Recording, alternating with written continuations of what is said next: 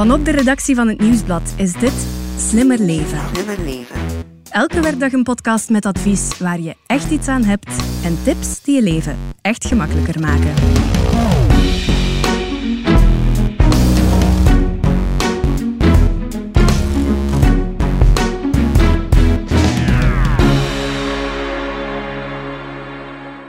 Het spaarboekje, dat is al langer geweten, brengt niets op. Wil je dat je zuur verdiende centen wel iets opbrengen, kan je er dus maar beter iets anders mee doen. Beleggen bijvoorbeeld.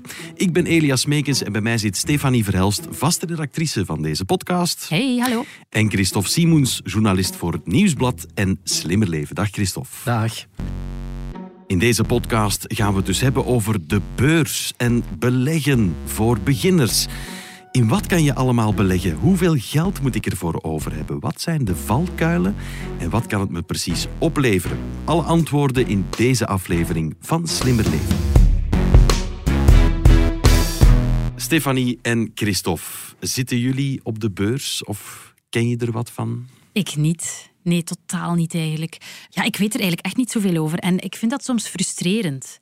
Soms zitten we wel eens samen met vrienden en dan beginnen die over een bepaald aandeel of zo. En dan denk ik, ja, dan val ik echt uit de lucht en dan kan ik niet meepraten. Dus dat vind ik een beetje ambetant. Ik heb eigenlijk net hetzelfde, moet ik eh, bekennen. Gelukkig hebben we een specialist in de studio, Christophe. Ja, nou ja, specialist. Uh, het klopt inderdaad dat ik voor het Nieuwsblad en ook voor uh, Slimmer Leven heel vaak over de beurs en over aandelen schrijf. Maar ook niet al mijn ervaringen zijn positief op dat vlak. meer zelfs toen ik mijn allereerste aandeel kocht ik ben 53 intussen, dus ik spreek van ettelijke decennia geleden intussen. Mijn eerste aandeel was Lernout en Houspie. Oh. En iedereen weet hoe dat verhaal is afgelopen. Ik ben ook daar inderdaad centen aan verloren. Ik had nogthans mijn huiswerk goed gemaakt. Ik geloofde inderdaad 100% in dat bedrijf. Maar ja, als er fraude in het spel is, dan Ja. weet je dat natuurlijk niet. En goed, dan zit je op eh, de blaren. En dan ben je gestopt. Het heeft toch nog zeker tien jaar geduurd, zelfs nog langer, eh, tot Tesla op de beurs kwam. En dat is een kleine tien jaar geleden. Voor ik het nog eens opnieuw geprobeerd heb. Dat was wel een goede keuze. Maar ook daar weer kreeg ik plotseling eh, koudwatervrees. Heb ik dat aandeel verkocht om mijn winst te nemen. En dan heb ik natuurlijk de stratosferische klim van het aandeel eh, de voorbije jaren volledig gemist. Wat nog maar eens bewijst dat beleggen in individuele aandelen zeker geen exacte wetenschap is. Ja, sowieso in 2020 hebben trouwens opvallend veel nieuwe mensen de beurs eh, en beleggen eh, ontdekt. Dat blijkt uit cijfers van de Nationale Bank. Dat is wel interessant. Ja, mensen zaten meer thuis, hè, hadden meer tijd om zich ermee bezig te houden. En omdat er blijkbaar toch ook wat geld vrij kwam, omdat je niet op vakantie kan of omdat je niet op restaurant gaat en daar veel geld aan geeft, eh, zijn mensen dat op de beurs gaan, eh, gaan zetten. Dus, Dat is eh, inderdaad opvallend en nog actueel. Een tijdje terug is de beurs en Wall Street in het bijzonder toch behoorlijk op zijn kop gezet. Eh, uit het niets heeft echt een, een grote groep van kleine beleggers eh, zich willen afkeren. Die zijn gaan samenspannen tegen de grote kleppers op Wall Street. Daardoor zijn die ineens grote verliezen gaan boeken. En dat toont aan dat ook kleine pionnen toch wel een rol kunnen gaan spelen eh, op de beurs. Eh, alleen is het nog maar de vraag in hoeverre dat de nieuwe manier van doen zal zijn op de beurs. Want eh, volgens mij ruikt dat toch wel een beetje naar marktmanipulatie. En dat is eigenlijk niet wettelijk.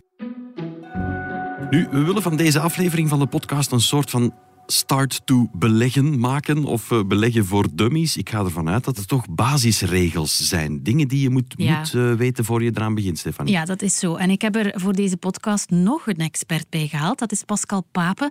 Hij is econoom, beursexpert en docent ook. En wat hij zegt is, alle begin is moeilijk op de beurs. Dat is zo. De beurs is iets waar je misschien niet veel van af weet. Maar durf beginnen. Durf ermee starten. Eh, liever vandaag nog zelfs dan morgen. Luister maar. Heel veel mensen zijn zo bang van iets nieuws dat ze nooit met eh, beleggen beginnen. En dat zou heel jammer zijn. Dus dat is al het voornaamste. En dan moet je ook een beetje afstappen van het idee dat eh, de beurs een casino is en dat het alles of niks is. Dat is een heel foute instelling. Eh, Het mag er een beetje saai aan toe gaan. Het moet niet plus 10% per dag zijn. Als je al aan eh, 10% per jaar komt, dan heb je al heel goed gepresteerd. De beurs, een casino. Krijg je dan ook gratis drankjes? Ja, ja, hij heeft me wel misschien toch wel een beetje overtuigd. Maar nu, hè, want ik hoor hem zeggen dat het saai gaat worden, zonder gratis drankjes. Christophe. Maar saai is uh, overdreven. Maar eigenlijk wat Pascal Papen bedoelt, begrijp ik heel goed. Hè. Er zijn twee grote basisprincipes bij beleggen op de beurs.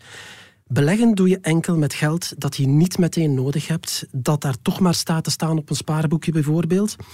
En je moet focussen op de lange termijn, want op de lange termijn kan je ervoor zorgen dat eventuele verliezen het ene jaar worden goedgemaakt en zelfs ruimschoots goedgemaakt door winst in een ander jaar.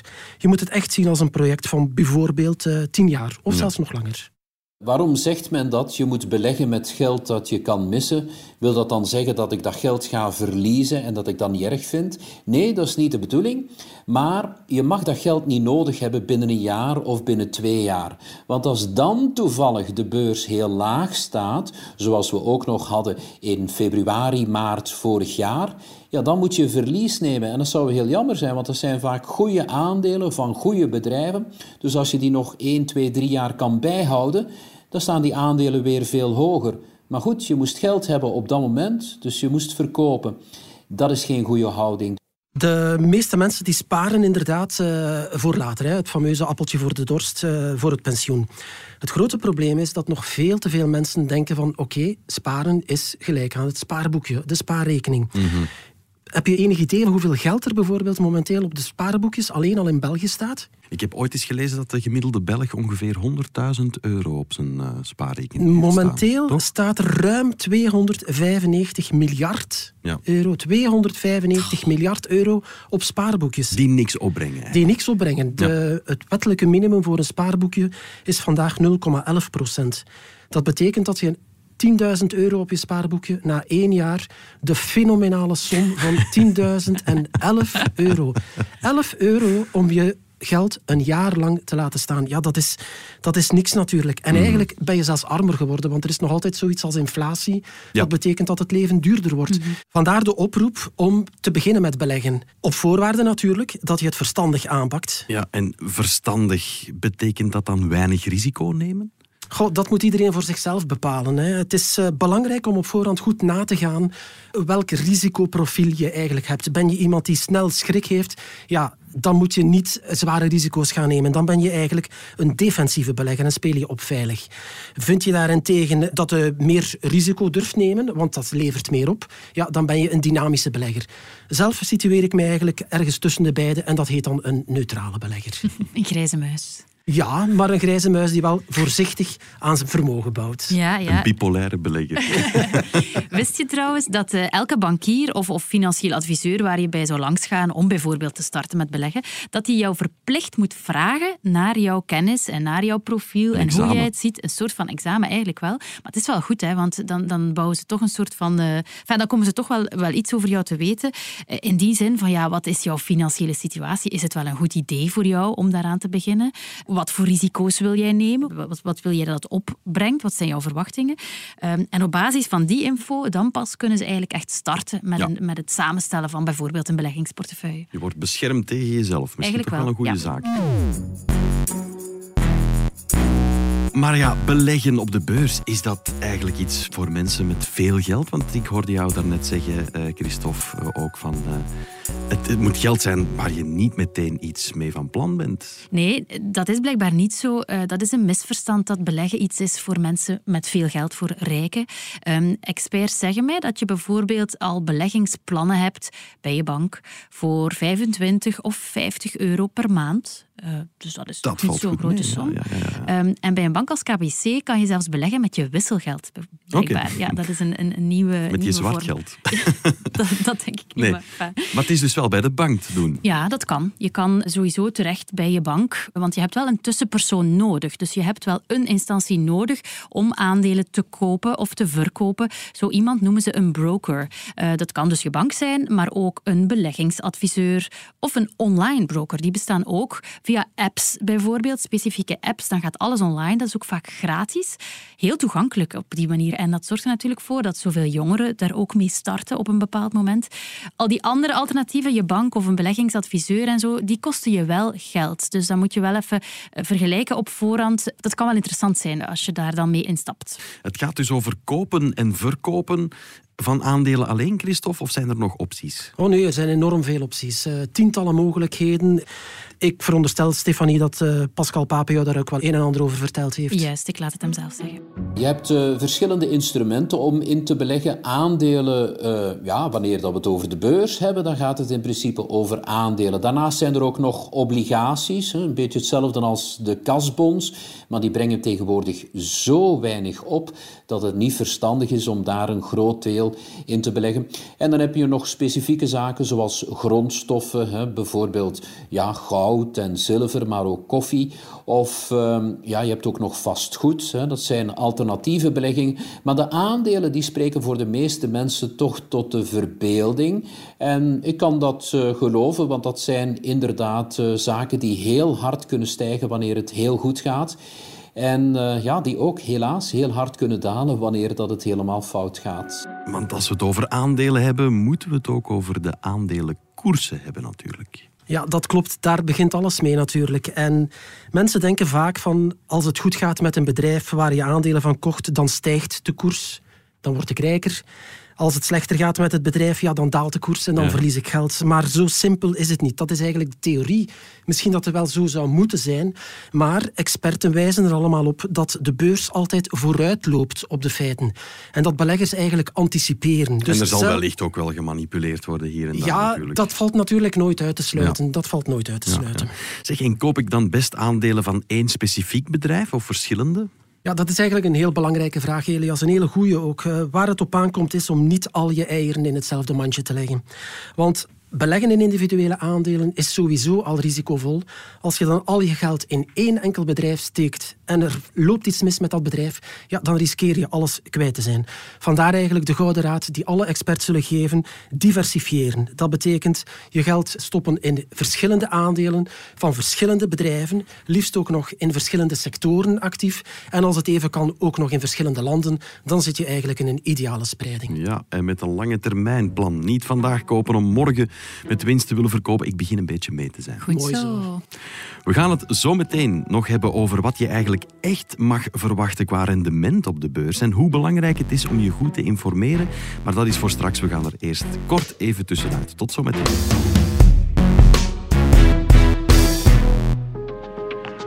Hey, ik ben Xander. Wist je dat van petflessen truien en slaapzakken worden gemaakt? Voor de podcast Ik geloof erin van Engie ben ik op zoek gegaan naar mensen zoals jij en ik die geloven in een koolstofneutrale toekomst. Laat je inspireren en krijg praktische energiebespaartips. Luister nu zaterdag in deze podcastfeed naar het verhaal van Jens, een technieker die op zee aan windmolenparken werkt.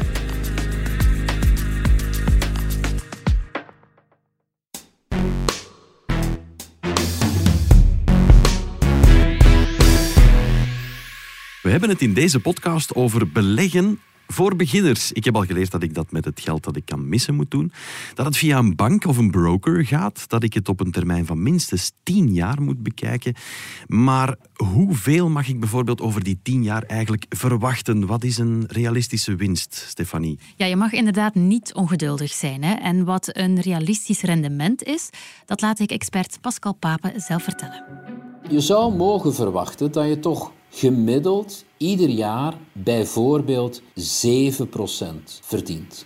Maar pas op, dat is geen garantie. Wat wil risico zeggen? Risico is een afwijking van het normale. Dus als 7% per jaar gemiddeld, als dat normaal is, wat doet de beurs dan? In het ene jaar gaat die plus 20% en het volgende jaar gaat die min 8%. En dan gaat die weer plus 13% en dan gaat hij weer min 4%.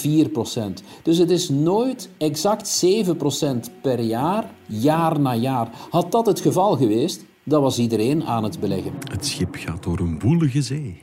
Ja, maar die onzekerheid, dat schommelen zo op en neer, een roetsbaan noemt Pascal Papen het zelfs, daar moet je wel mee om kunnen. Ja. Dus als jij nu al denkt van, oh, ik ga daar s'nachts van wakker liggen, dan is de beurs misschien toch niets voor jou. Ja. Nu, ik kan me wel voorstellen, ik heb het zelfs al een beetje, hoe meer je erover kent, hoe leuker het wordt. Hè? Ja, dat klopt. En om het echt leuk te houden, moet je eigenlijk de gouden tip van Warren Buffett uh, in gedachten houden. Warren Buffett is de meest succesvolle belegger uh, die de geschiedenis ooit gekend heeft. Zijn tip is, beleg enkel in wat je begrijpt. Het is Een bedrijf dat je begrijpt? Of wat bedoel je? alles, het bedrijf dat je begrijpt, maar ook waar het bedrijf mee bezig is. Ja. Eh, auto's is begrijpelijk. Petroleum is misschien al iets moeilijker. Farmacie is nog iets moeilijker. En zo kun je verder doorgaan Mhm. tot de meest, eh, ja, eh, ik zeg maar wat aeronautica. Is allemaal niet evident. Dus beleg in wat je begrijpt. Eh, dat is echt wel belangrijk om je goed te informeren. En dat betekent online je huismerk maken. Hè. Er staat heel veel informatie over bedrijven, over de financiële situatie van die ondernemingen, van de sectoren. En ja, als ik dan toch wat reclame voor eigen huis mag maken, je kan misschien ook het nieuwsblad lezen. Uiteraard. We hebben ook dagelijks onze economierubriek natuurlijk. Zeker. Zeg maar, als je nu zegt, ja, beleg enkel in wat je begrijpt, hoe zit het dan met beleggen in bitcoins? Want dat is toch zoiets bizar Ja, eigenlijk. dat is inderdaad weer zo'n hype van de, van de laatste maanden en jaren, eh, waar je toch maar beter voorzichtig mee omgaat. Eh, Bitcoin is een virtuele munt en de koers van die munt is heel volatiel met sterke stijgingen, maar evengoed sterke dalingen. Je hebt eigenlijk believers en non-believers, maar één ding staat vast en dat geldt voor alle beleggingen. Prestaties uit het verleden die zijn nooit een garantie voor de toekomst. En voor de bitcoin komt daar dan nog bij dat de koersen nu wel heel erg hoog staan. Dus ik zou toch maar zeer voorzichtig zijn met de bitcoin. Zeg, en geldt dat ook voor waar we mee begonnen zijn, met dat hele Wall Street-verhaal? Eh, dat geldt zelfs nog meer voor dat hele Wall Street-verhaal. Want eh, wat we daar hebben meegemaakt is eigenlijk een eh, rebellie van de kleine belegger, maar die gebruik gemaakt heeft van pure spitstechnologie, wat we dan in het, in het vakjargon short selling noemen. Eigenlijk zijn er grote partijen op Wall Street die proberen om geld te verdienen met bedrijven die er slecht aan toe zijn en de koersen die naar beneden gaan. Daar moet je al echt heel sterk in thuis zijn om daar eh, eh, geld aan te verdienen. Ik noem dit ook niet meer beleggen. Voor mij is dat puur speculeren. En we merken nu inderdaad dat eh, die luchtballon die daar ontstaan is, want die is er wel degelijk geweest, dat die volledig doorprikt is. En niet alleen de grote fondsen hebben hun broek gescheurd, maar helaas ook heel veel kleine beleggers die te laat ingestapt zijn omdat ze het systeem niet begrepen. Ja, het toont toch wel aan dat je echt wel goed op de hoogte moet zijn en je toch je basis minstens moet informeren om mee te kunnen. Hè, want dat gaat ook vaak over veel geld. Dus eh, doe dat niet onbezonnen. Eh, er zijn ook trouwens cursussen. Hè. Je kan naar de avondschool. Hè. Bijvoorbeeld Pascal Papen heeft een paar jaar terug een cursus beleggen voor beginners eh, in avondschool georganiseerd. Er komt blijkbaar heel veel volk op af. Dat zijn dingen die je ook kan doen om, om je bij te scholen. eh. en dan sta je steviger in je schoenen. Als je dan Ja. een gesprek hebt met je bankier of zo, dan kan je meepraten. Dan weet je waarover het gaat. Hoef je niet onnodig achterdochtig te zijn, bijvoorbeeld. Dr. Google. Onze huisdokter, Dr. Google, heeft hier nog wat in petto, Stefanie. Ja, absoluut. Ja? absoluut. Ehm, er bestaan online tools die berekenen wat iets jou na bijvoorbeeld tien jaar kan opbrengen. Eh, een rente op rente calculator. noemt is zoiets. handig. Ja, ik vind dat altijd leuk. Zo van die robotjes de- waar je een paar gegevens moet ingeven en waar je dan poeps een, een antwoord krijgt. Eh, en in dit geval kan je dus bijvoorbeeld ingeven 10.000 euro eh, wil ik op de beurs Ja, beleggen. we gaan dat doen, hè? 10.000 Ja, euro. we gaan dat eens, we gaan dat eens door de robot... Voilà, en we gaan, Laten voor, berekenen. we gaan voor wat Pascal Papen ons Christophe, jij hebt nog beloofd. 2500 euro. Stefanie voor- legt ook wat in. Voilà. We gaan voor 10.000 euro. 10.000 euro. Ja. Voilà. En eh, we gaan uit van die 7% waar Pascal Papen het Doe heeft. het Dat is realistisch. 7%. Ja. Eh, we gaan eerst eens kijken op 10 jaar. Tatatara, is bezig hoor. Zijn hersencelletjes. Kijk eens. 10.000 euro na 10 jaar wordt dat 19.672. Dat is bijna een verdubbeling. Hè? ja. Dat is toch wel stevig, hè? straf, ja. Ja? Zal ik eens 20 jaar maken? We hebben nog meer tijd, hè? We zijn nog jong, hè? Kijk eens, wacht, hè. Na 20 jaar. Papada. 38.697. Ja, en daar zie je- zit je al bijna aan een verviervoudiging. Wow, dus dat gaat daar zie je- exponentie- Ja. Daar zie je de exponentieel. kracht van die rente op rente. Dat is eh, fenomenaal. Hè? Wow, ik weet wat ik ga doen straks. We doen het. Stefanie, Christophe, hartelijk bedankt. Graag gedaan. Dat is graag gedaan. Dit was de podcast Slimmer Leven van het Nieuwsblad. Slimmer leven. De presentatie was in handen van mezelf, Elias Smekens. De redacteurs waren Stefanie Verhelst en Christophe Simoens. De audioproductie gebeurde door Pieter Schrevens van House of Media. De eindredactie werd in goede banen geleid door Bert Heijvaart en Eva Michel. Wil je reageren? Dat kan op slimmerleven.nieuwsblad.be. En als je deze podcast leuk vond, schrijf gerust een review op je favoriete podcastkanaal. Zo toon je ook anderen de weg. Alvast bedankt.